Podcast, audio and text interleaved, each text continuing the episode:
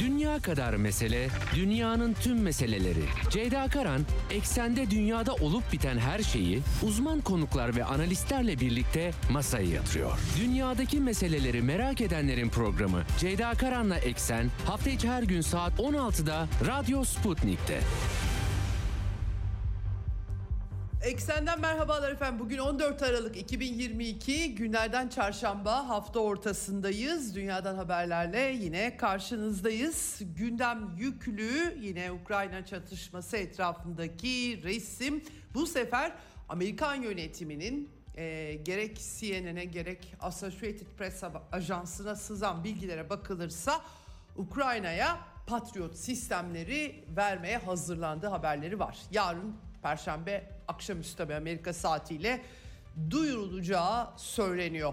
Ee, tabii e, Kırım Köprüsü'nün vurulması sonrasında Ekim'de başlayan enerji ve iletim hatlarının vurulması, hava savunması meselesi büyük sıkıntı yaratmıştı. Bakalım bu sistemlerle ilgili bir sonuç çıkacak mı? Tabii patriotlar e, boyutları değiştiriyor. E, zaten Amerikan askerlerinin sahada olduğunu biliyoruz. E, silah denetimi gerekçesiyle dün Britanya'dan da Britanya e, e, Kraliyet Donanması'ndan da biz de sahada hassas operasyonlar yürüttük diye açıklamalar geldi. Bilinmeyen şeyler değil ama tabii bizzat ağızlarından doğrulanıyor. Ben size burada sızan bilgileri aktarmıştım.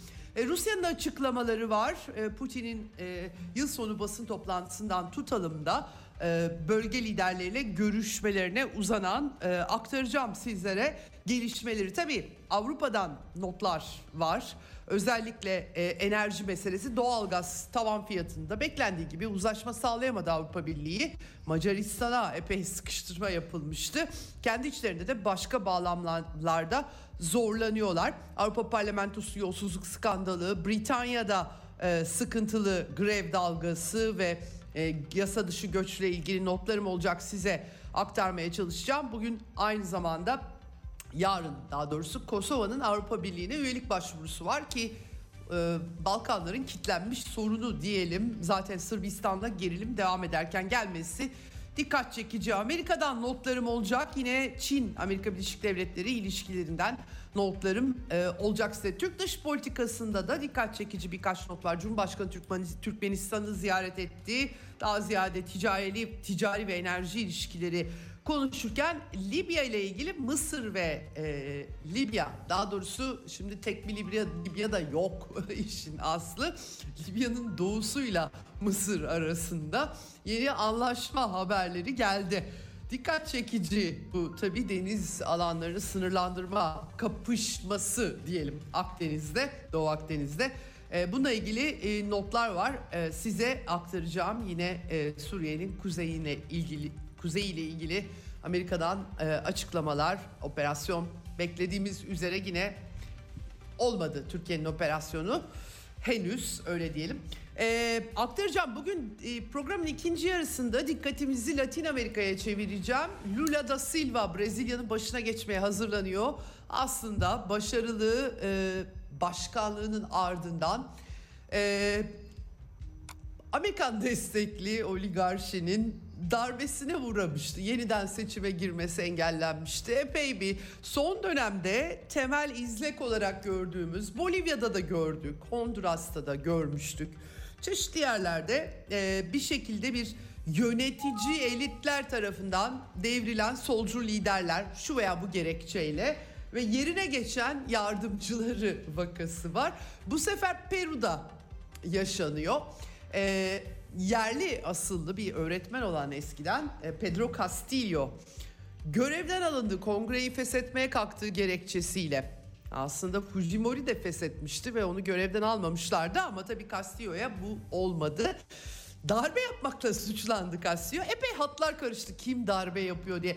Konuyu yakından izleyen e, bir dış haberci de olan aynı zamanda Bir Gün Gazetesi yazarı İbrahim Varlı konuğum olacak bugün. Nedir bu Peru ile ilgili gelişmeler diye soracağım kendisine. Tabii e, ben notları da aktaracağım. Yeni e, yerine geçen yardımcısı bir yandan OHAL ilan etmiş durumda. Bir yandan e, yardımcısı olduğu lideri suçluyor. Baya baya karışık bir e, resim var. Aktarmaya çalışacağım notları ve e, hem gelişmeleri de İbrahim Varlı'ya e, soracağız. Evet e, çok yüklü bir gündem var. Hemen o yüzden frekanslarımızı tekrar etmek istiyorum. İstanbul'dan 97.8, Ankara'dan 96.2, İzmir'den 91, Bursa'dan 101.4 ve Kocaeli'nden 90.2 karasal yayın frekanslarımız bunlar. Bunun dışında Sputnik Türkiye'nin web sitesine girip sağ üst köşede kulaklığı tıklarsanız Türkiye'nin her yerinden bizi dinleyebilirsiniz. Yine aynı şekilde e, Telegram hesabının linkini hemen paylaşıyorum. Oradan da bizi e, Telegram'da Radyo Sputnik'e katılmanız halinde rahatlıkla her yerden dinleyebilirsiniz diyelim. Başlayalım eksene. Dünya kadar mesele, dünyanın tüm meseleleri. Ceyda Karan, eksende dünyada olup biten her şeyi uzman konuklar ve analistlerle birlikte masaya yatırıyor. Dünyadaki meseleleri merak edenlerin programı Ceyda Karan'la Eksen hafta içi her gün saat 16'da Radyo Sputnik'te. Ukrayna çatışması Bahmut, Artemovsk e, bölgesine yoğunlaşmış durumda. Cephe hattında çok büyük bir değişiklik görmedim izlediğim haberlerden ama Ukrayna güçlerinin bir yandan ya bir önemi yok buranın dedikleri diğer yandan da takviye asker gönderdikleri kayıp oranları yüzde yetmiş olarak ifade ediliyor. Gencecik Ukrayna askerleri neden bu sembolik olduğu söylenen ve işe yaramaz bulunan yere gönderiliyor soruları hakikaten çıkıyor ama e, Rusya kaynaklarından da bu tahkimatla ilgili bilgiler geldi. Kremlin'den açıklamalar var. Tabi Noel yaklaşıyor Hristiyan aleminde aynı zamanda yeni yıl yaklaşıyor. Özel operasyonu Rusya'nın devam edecek mi diye Kremlin'e soruyorlar. Bir e, herhangi bir biçimde ateşkes yılbaşı ateşkesi olmadığını söyledi. Dimitri Peskov e, devam edecek dedi. Ee, aynı zamanda Rusya'nın da dört yeni bölge Rusya'ya katılma kararı alan Donetsk ve Lugansk'ın dışında Herson ve Zaporojye bölgelerinin liderleriyle yıl sonundan önce görüşme yapacağını söyledi. Ayrıca Odessa ve Çernigov bölgeleri yani Rus nüfusun yaşadığı diğer yerler de gündeme gelmiş durumda. Oranın e, artık bu sonra karar verilecek diye bir açıklaması e, oldu. Ee, bir yandan tabii Kırım'la ilgili yeni projeler aktarılıyor Rusya'da. Kırım'a bir karayolu Moskova'dan. Moskova'dan Donbas, Nadolu'ya inen bir karayolu vardır. Ee, uzun bir karayolu bütün etrafı birbirine bağlar. İşte o karayolunun Kırım Cumhuriyeti'ne, e, federasyona bağlı Kırım Cumhuriyeti'ne uzanan hattına da bir karayolu inşası planlanıyor. Başka bölgeler de var. Tabii Azak artık Rusya Federasyonu'nun iç denizi olarak anılıyor. Oradaki ulaşım hatları ve e, yatırımlarla ilgili bir takım girişimler olduğunu söyleyebiliriz. Evet şimdi e, bu kışlık basın toplantısı normalde e, dünyada hemen hemen hiçbir liderin yapmadığını yapıyor Rusya Federasyonu senelerdir. E, yıl sonu değerlendirmesi vatandaşlardan, gazetecilerden, uluslararası medyadan, herkesten açık soruları alıyor ve hepsine de yanıt yetiştiriyor.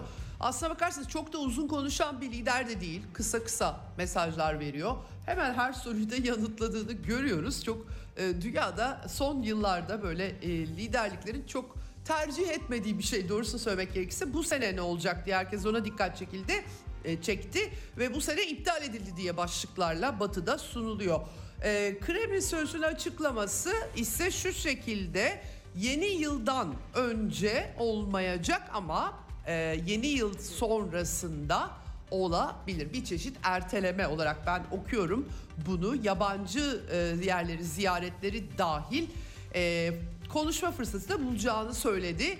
Bunu iptal olarak yorumlamış. Bakalım göreceğiz nasıl olacağı. Bir de Çin Devlet Başkanı Xi Jinping'le bir yıl sonundan önce bir görüşme tabii video görüşmesi bu sene iki kere hem Şubat ayında e, Beijing, Peking olimpiyatları vesilesiyle Putin gitmişti hem de Semerkant'ta Eylül ayında Şangay İşbirliği Örgütü zirvesi vardı. Orada Rusya ve Çin liderlerinin buluşması söz konusu olmuştu. Batılılar tabii Ukrayna e, nedeniyle Çin'in Rusya'ya karşı tavır almasını istiyorlar. E, Pekin yönetiminin pek böyle bir tavır aldığını söylemek mümkün değil artık. E, stratejik bombardıman uçakları Asya'da ortak devriye yapıp birbirlerinin topraklarına iner durumdalar. Ayrıca tabii çip üretimiyle ilgili çok sayıda iddia dolaşıyor ortada. Bu hassas füzeler vesaire onlarla ilgili e, pek çok şey var. Batı'da söylenti halinde tabii bunların kanıtları da yok ama yakın bir işbirliği ve anlayış olduğunu söylemek mümkün. Bu zirvelerde herhalde bunu pekiştirdi diyebiliriz. Şimdi bir yandan da Amerikan yönetimiyle belli temasları oluyor. Hepsi Amerika'nın girişimiyle yapıldığı son birkaç ayda dikkat çekti. Amerikan tarafından, Amerikan medyasına, Batı medyasına sızanlar. Ee, ve İstanbul merkezli 14 Kasım'da ve geçen hafta e, buluşmalar gerçekleşti. E, Rusya tarafı bunların faydalı olduğunu ama temel konularda bir ilerleme olmadığını daha çok takas meseleleri en son işte Amerikan ajanı Paul Whelan vardı. E, gizli servis, e, Federal Güvenlik Servisi tarafından yakalanmıştı. Mahkeme kararıyla da tutuklanmıştı. E, basketbolcuyu e, uyuşturucu Rusya Rusya'ya uyuşturucu sokarken yakalanan basketbolcuyu biraz da insani temellerle tabii yani alışkanlıktan koydum filan çantaya gibi şeyler söylemişti kız. Neyse onu iade ettiler de tabii Paul Whelan biraz daha çetrefilli bir mesele. Şimdi bakalım yani e, görüşmeler zorlu e, ama tabii e, herhangi bir konu Ukrayna bağlamında bir mutabakat olmadığı da anlaşılıyor. Rusya Dışişleri Bakan Yardımcısı Sergey Ryabkov'un açıklamalarından. E, geçen pazartesi tabii G7 toplantısı vardı. O toplantı vesilesiyle de Ukrayna tarafı yardım taleplerini gündeme taşımıştı. Çünkü 10 Ekim'den bu yana yani Kırım Köprüsü vurulduktan sonra ee, Ukrayna'nın enerji altyapısı Amerikan askeri kılavuzunda çifte kullanımlı geçen askeri olarak da kullanımı olan enerji ve iletim sistemleri hedef alınmaya başlandı. Dalgalar halinde tamire kalkışıldığında tekrardan. Dolayısıyla büyük bir sıkıntı yarattı. Ee, tabii Ukrayna e, yani Batı'nın askeri mali yardımı olmasa Ukrayna diye bir devlet zaten ve bir ordu da yok açıkçası. Ee, komuta, kontrol, her şey bütün verilen silahlar, bütün verilen mühimmatlar yani NATO aslına bakarsanız ben o yüzden Ukro NATO diye adlandırıyorum bunu. Şimdi tabii ama bütün bunlar HIMARS sistemleri, HIMARS sistemleri falan açıkçası pek bir işe yaramıyor. Ee, G7 toplantısında Zelenski uzun menzilli füzelere, modern tanklara, toplara, füze bataryalarına, yüksek teknolojili hava savunma sistemlerine ihtiyaçları olduğunu söyledi. E, Batı medyasında başta Financial Times olmak üzere okuyoruz. Yani kalmadı artık. Yani o kadar üretilmiyor. Batı stoklarını tüketti filan diye kendileri yazıyorlar. Nasıl olacak nasıl olacak derken Ukrayna Polonya'yı vurmuştu hatırlayacaksınız. Hatta Rusya vurdu diye bir böyle savaş e, e, pompalaması yapmışlar. Topyekün savaş diyelim. Vekalet savaşının yerini alacak ama sonunda Ukrayna'nın vurduğu ay yanlışlıkla olmuş gibi düzeltmeler filan da gerek yok. Bayağı bildiğiniz S-300'leri e, Polonya'ya savurduğu anlaşılmıştı. Ve ondan sonra da Polonya'ya Almanya artık Ukrayna'dan korumak için mi bilmiyorum. E, Patriot sistemleri teklif etmişti. Şimdi efendim e, Sovyet dönemi sistemlerini veriyorlar Ukrayna'ya. Ama onlar da artık bitiyor Doğu Avrupa ülkelerinden topluyorlar ediyorlar. Büyük problem. E, artık NATO'da e, Avrupa kanadında falan mühimmet kalmadığı söyleniyor silah ve mühimmat. Tam bu koşullarda CNN'e ve Associated Press'e haber geldi. Pentagon'daki kaynaklar fısıldadılar. Bu hafta içerisinde muhtemelen Perşembe akşamüstü yarın akşamüstü de duyuracaklar. Biden yönetimi Ukrayna'ya Patriot hava savunma sistemleri gönderecek. Ee, öyle diyorlar. Ee, açıklama gelecek büyük olasılıkla Lloyd Austin yani Amerikan Savunma Bakanı e, onayı ve ardından Biden'a imza için gönderilecek ve birkaç gün içerisinde hemen gönderecekler diyorlar. Şimdi tabii Almanya bunların bir de eğitimi var. Ukrayna askerleri bunları kullanmayı bilmiyor. Sofistike sistemler. Almanya'da eğitilecekmiş. Gerçi kaç ay sürecek onu da bilmiyorum. O zaman hemen birkaç gün içerisinde Ukrayna'nın içine gönderilebilecekse Patriot sistemleri kim kullanacak sorusu çıkıyor.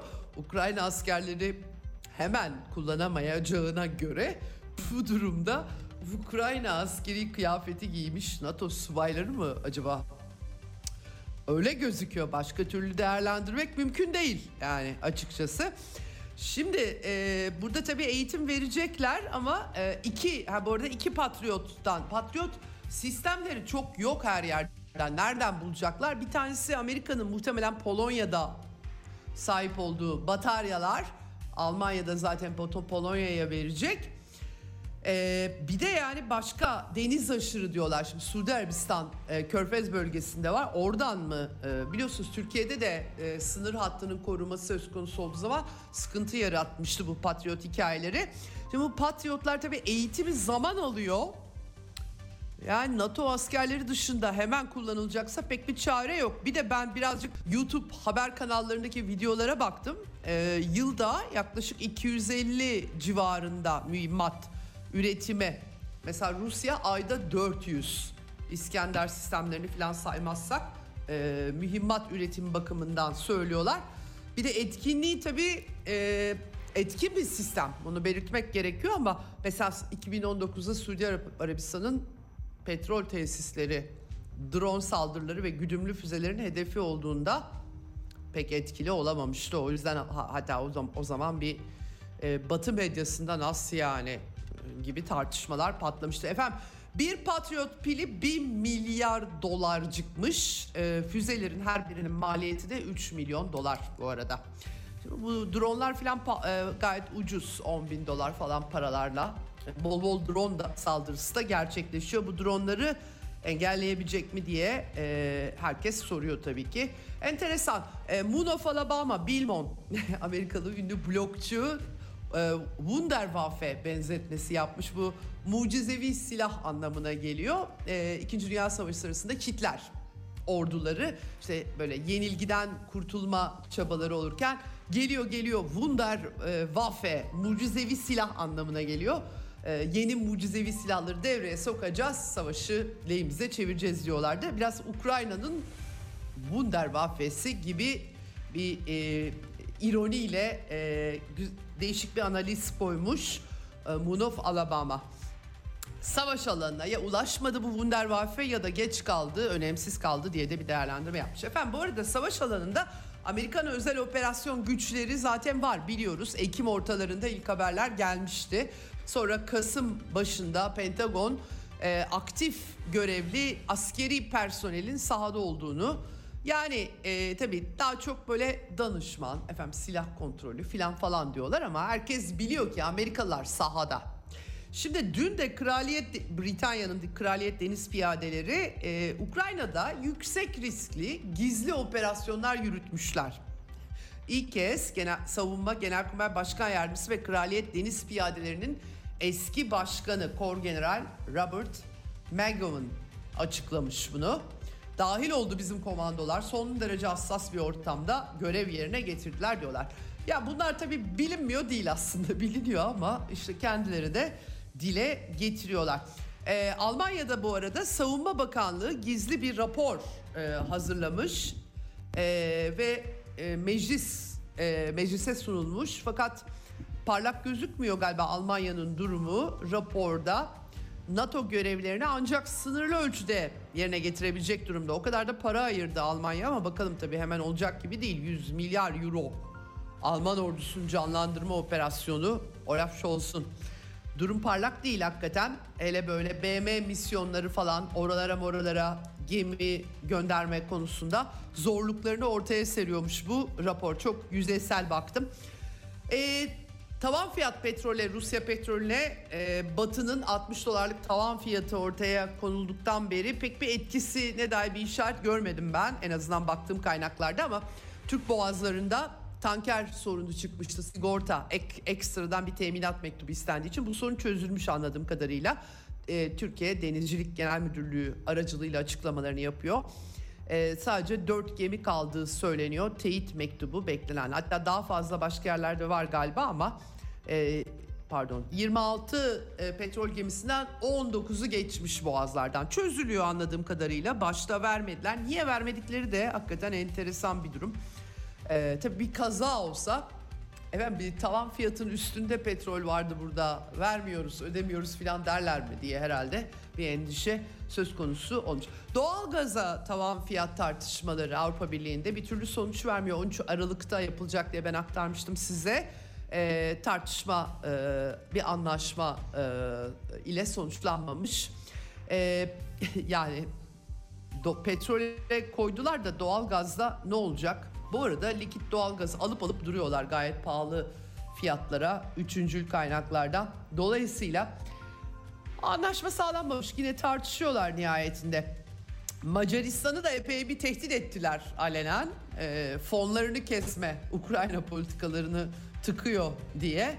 E, efendim sizin yolsuzluklarla ilgili sıkıntınız var deyip fonlarını kesme. Avrupa Birliği'nin gerçekten şantaj aracı olarak neyi kullanacağını kestirebilmek çok zor değil. Her şey kullanılabilir oluyor.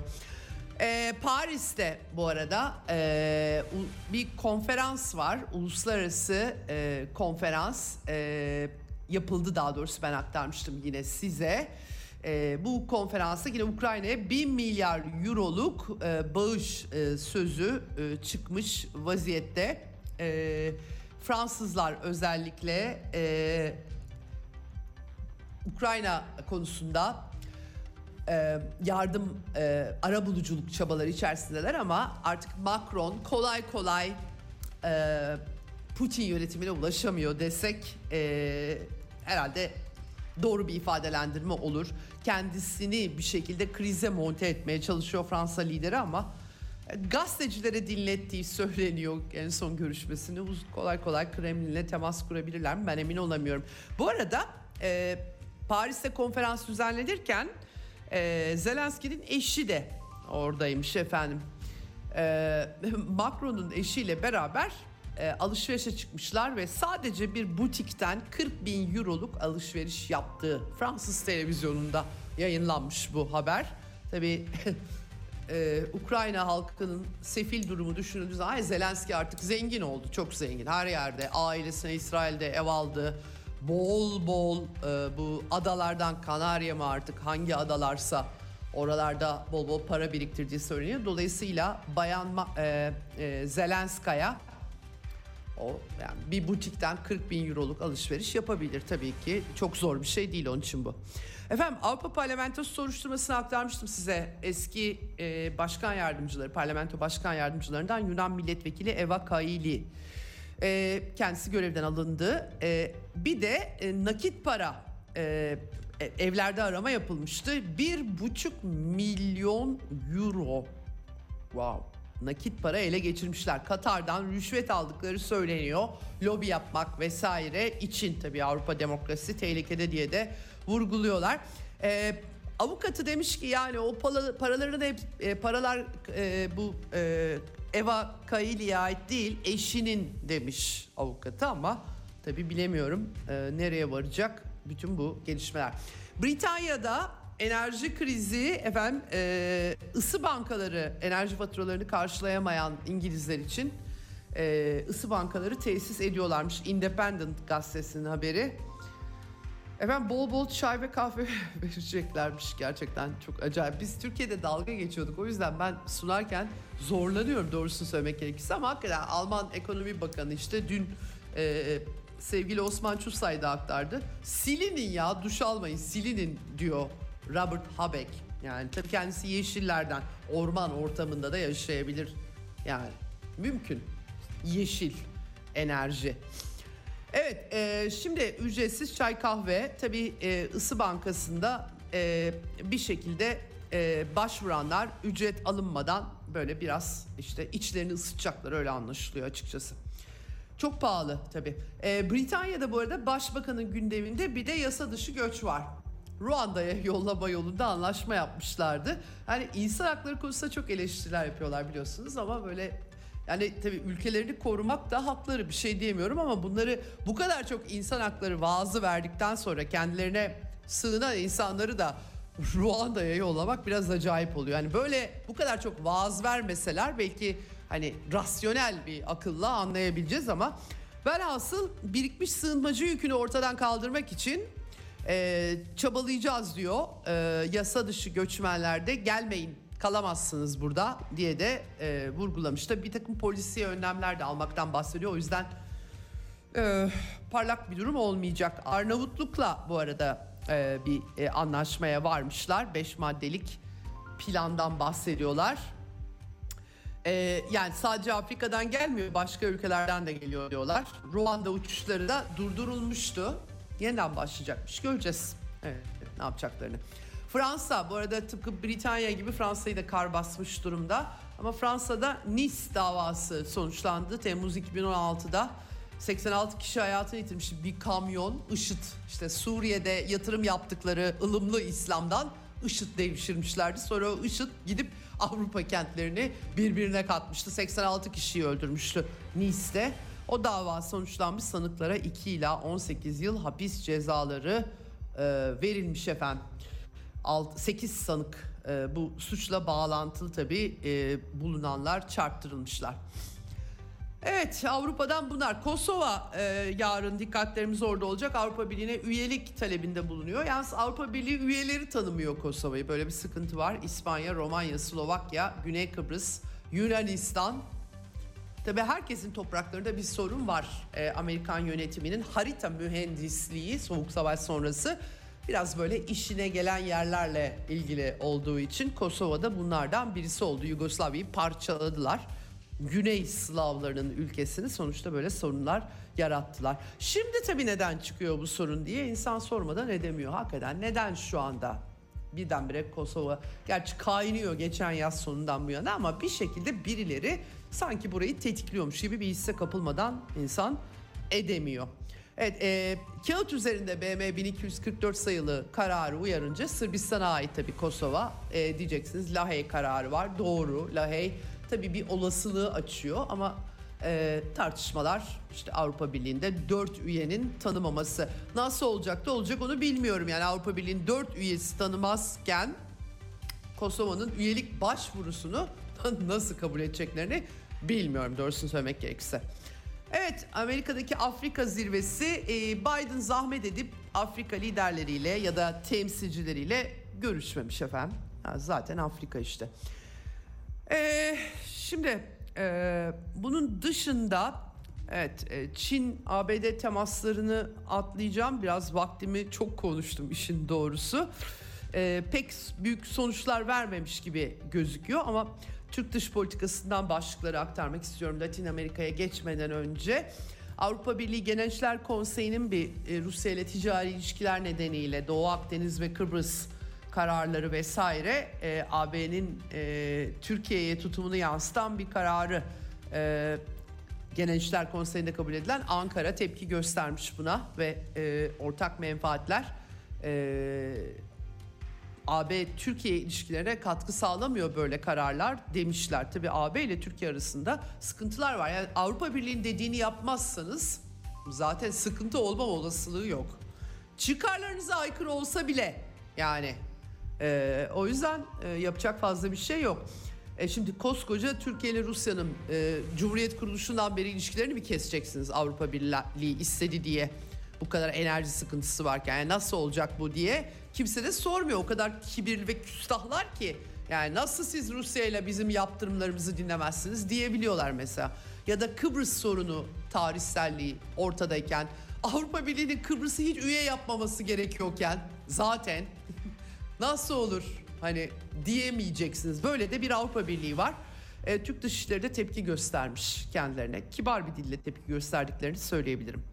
E, El Sisi Mısır lideri Pentagon'da bugün e, yanlış görmediysem bir de Mısır'ın Libya ile aslında Türkiye'nin Libya ile şimdi hangi Libya sorusu çıkıyor. Batı Libya'yı böldüğü için tek bir Libya da yok dolayısıyla öyle diyeyim size.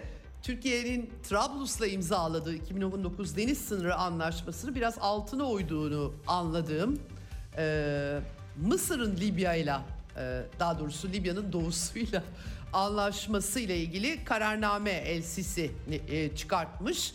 Tabii e, sınır komşusu çok önemli bir ülke e, Mısır için Libya bölünmüş haliyle bile.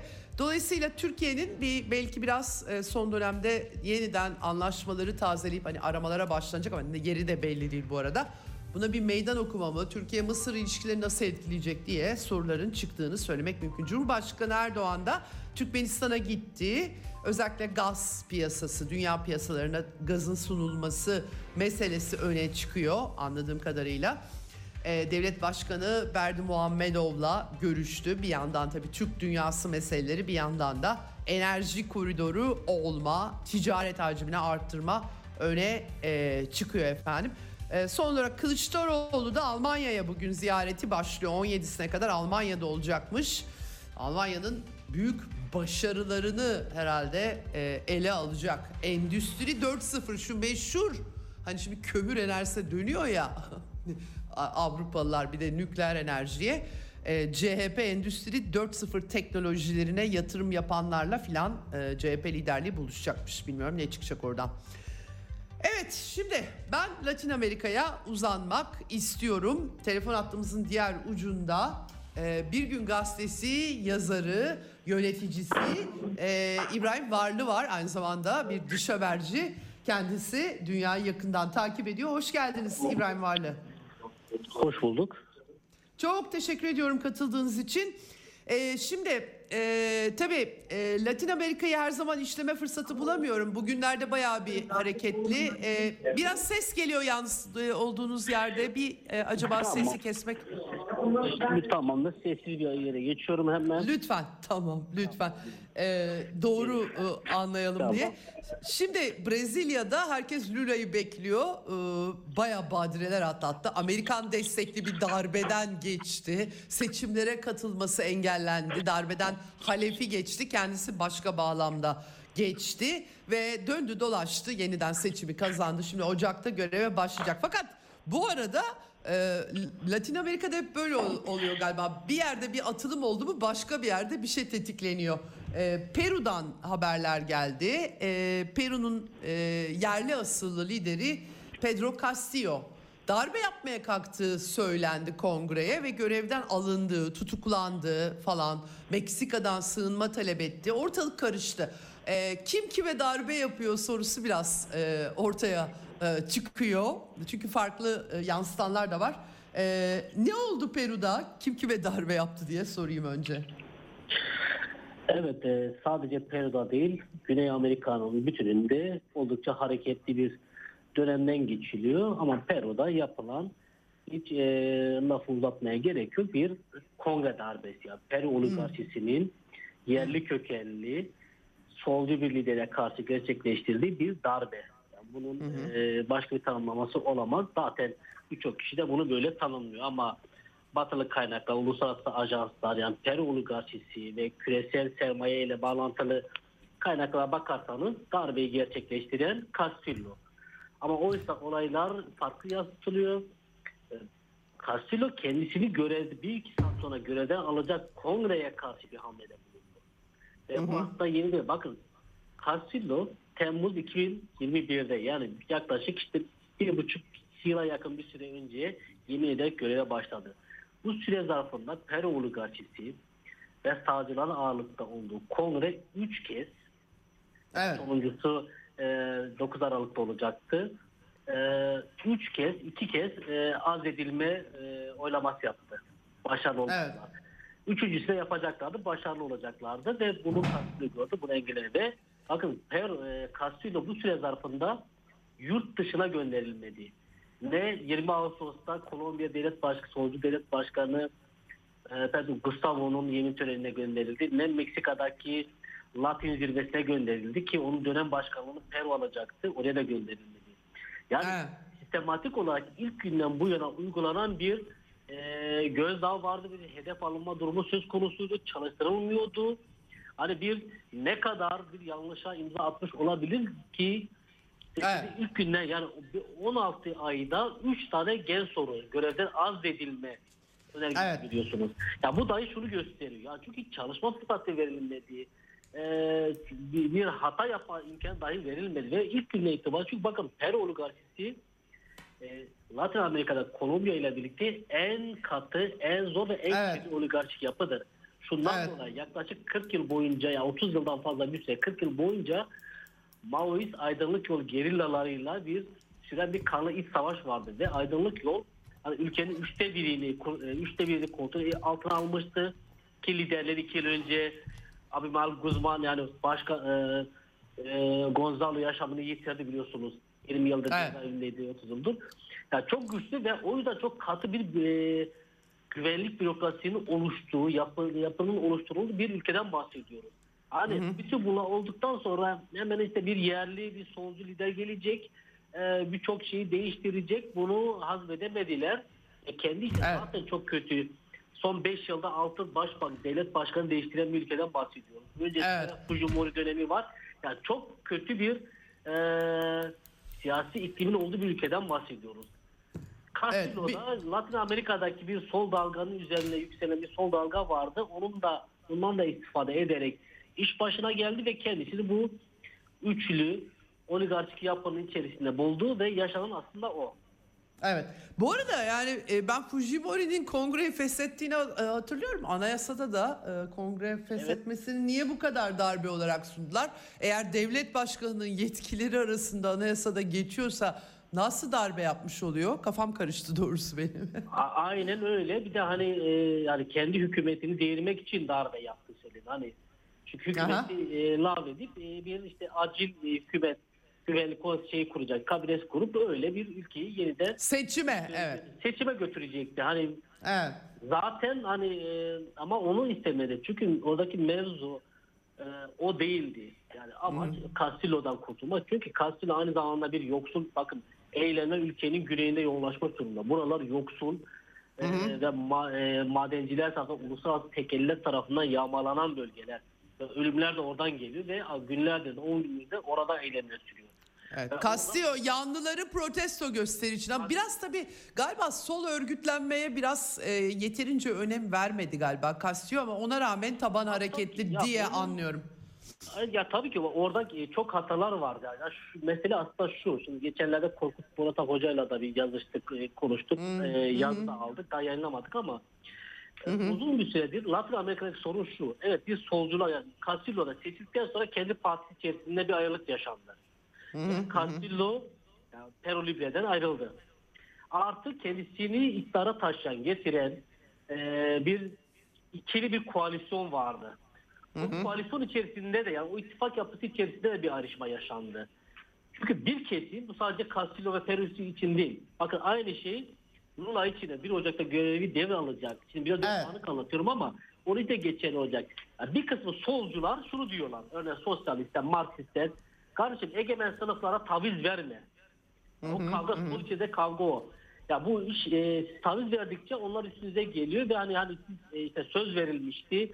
Hani işte birçok şey e, kökten köklü bir görüşme gidecekti. Ne oldu? Bir kısmı Evet. da önemli kesim şunu ya biz hani bu tavizleri vermezsek işte bu egemenlerle hani bu iş böyle gitmeyecek. Hani çiğaz çatışacağız. Ya işte bizi görevden alacak. Yani uzlaşmayla biz bu işi çözeriz diyen grup kesin. Peru'da da o. Per- Peru Libre yani Castillo'nun partisi içerisindeki karışma da o. Taviz verilmesini isteyenler, uzlaşmayla bu süreci götürülmesini isteyenlerle hayır işte biz daha radikal uzlaşma verilmesin, biz bunun için miktara geldik diyen kesimler arasında bir kavga vardı. Onlar da kendi içerisinde farklı kavgalara düştüler. Şimdi bu uzunca bir süredir bu Latin Amerika'da böyle. Yani bu bir sol dalga var. Hani bir sol kalanın bütün kesime kapsıyor. Orada öyle şimdi Lula'da e, çoğunluk biliyorsun parlamentoda şeyde sağcılarda. Evet. Lula egemen seçilirken de bu arada Peru'daki seçildiğinde de öyleydi. Kolombiya'da da öyleydi. Egemen sınıfların bir kesimiyle ittifak yapıyorlar. Yani bir şekilde ha, bizim ülkemizde de şu anda emarelerin birçok yerde gördüğümüz çeşitli kesimlerle ittifaklar yapılıyor. Hani sağcı kesimlerle bilmem muhafazakar kesimlerle. Şimdi bu, bu iş böyle mi sürdürülecek? Bir uzlaşma, işte bir ittifak, bir tavize verilecek, bazı yerlerde bir şeyler alınacak, bir şeyler verilecek karşılığında. Yoksa hayır, e, hani bıçak çekilecek, biz hani bildiğimiz Evet. e, çerçevede yol mu alacağız? Evet. Bu, e, Kolombiya lideri Gustavo Petro için de geçerli. Evet. Yani e, çünkü biliyorsunuz e, Gustavo Pedro'nun yardımcısı bir önceki başkanın aslında hani e, yakın isimlerden onun kampanya Evet. E, Lula'nın da e, sevgili İbrahim Lula da kendine başkan yardımcısı olarak bu sefer Abi, aynen. sağdan eski rakibini seç. Şunu da şu da enteresan değil mi? Aslında Brezilya'da da bu yaşandı. Başka yerlerde de oldu. Bolivya'da da oldu.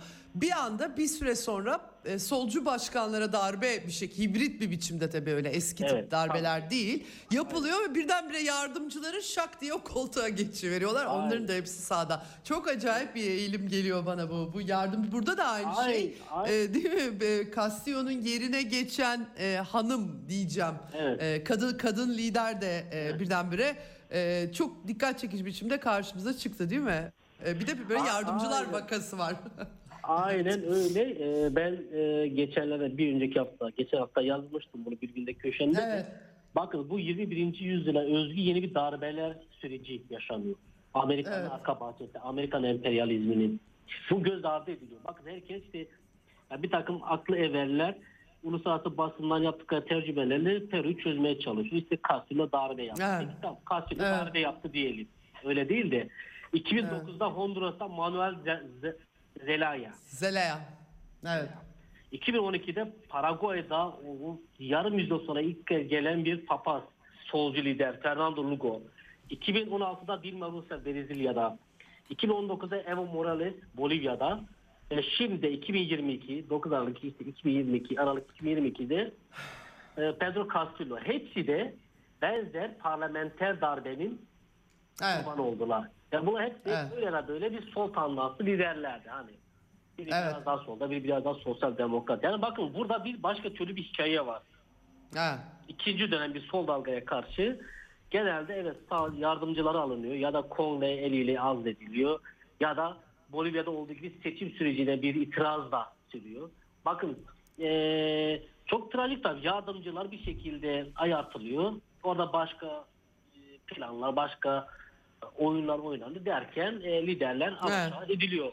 E, bakın Evet. bugün e, dün daha doğrusu ya daha doğrusu saat farkından dolayı yani bugün işte dün Lula mazbatasını aldı yüksek seçim e, onlar yüksek seçim mahkemesinden. Evet. Bakın sağcılar onlar günlerdir haftalardır o e, Lula'nın Lula'ya görevin verilmemesi için eylemler yapıyorlar. Dün de polisle çatıştılar. Ve o yüksek mahkemenin önünde ordunun müdahale ettiği Lula'ya görevin verilmemesi için polisle çatıştılar ve hala sokaktalar. Yani Evet. şeyi görebiliyor musun? Yani bu sadece yani Castillo'ya karşı olan bir durum değil. Bir bütün olarak solcu liderlere oradaki küresel güç odaklarına karşı bir şey öyle ya da böyle karşı durabilecek bir şekilde onların çıkarını, çıkar ağını e, tehlikeye sokacak ya da oraya çomak sokacak liderler istemiyor. İşte Castillo'nun en büyük hedef olmasına neden bir tanesi ülkenin güneyindeki o büyük uluslararası maden şirketleri. Evet.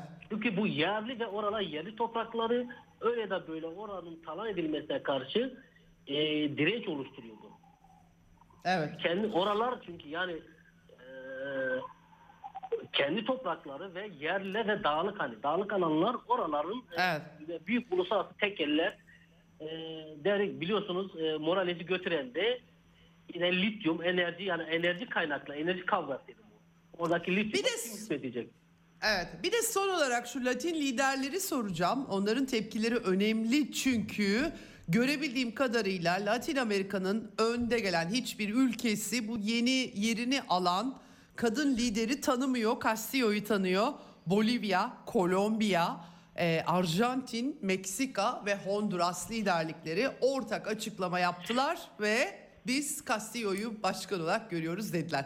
Ee, bu e, en azından bu deneyimin belki son yıllarda iyice yoğunlaşan son 10 senede deneyimin bir sonucu mu bunu nasıl sokmak lazım? İki dakikam var ama çok e, Evet. böyle özet olursa çok sevinirim. Aynen. E, tabii ki o deneyimin bir sonucu çünkü benzer şekilde kendileri de benzer muameleye maruz kalabilirler ki gördüler ama burada beni en çok sevindiren ve ada ilk gün Kasulya karşı darbelere karşı ne tutum alan Obrador çok çok Evet. de, e, açıklama yapmıştı. Hakikaten bunun bir oligarşik darbe olduğunu Evet. e, Castillo'nun bilinçli olarak bu tuzağa sürüklendiğini söyledi. Ya, sosyal demokrat bir lider hani diğerlerine oranla biraz daha hani sosyal demokrat Evet. bir e, lider ve muazzam bir direnç gösterdi ve bütün o aslında Morales'ten Castillo'ya kadar bütün bu darbeye maruz kalan liderlere kucak açan, onları sahiplenen bir lider. Hakikaten Evet. takdir edilesi bir tavrı var. Ee, evet yani bu önemli tabii bu, ya bu, bu, bu tarz bir tavrın sergilenmesi en azından hani bundan sonraki darbeciler için bir e, uyarı mahiyetinde bir önemli bir işaret bir şey olur.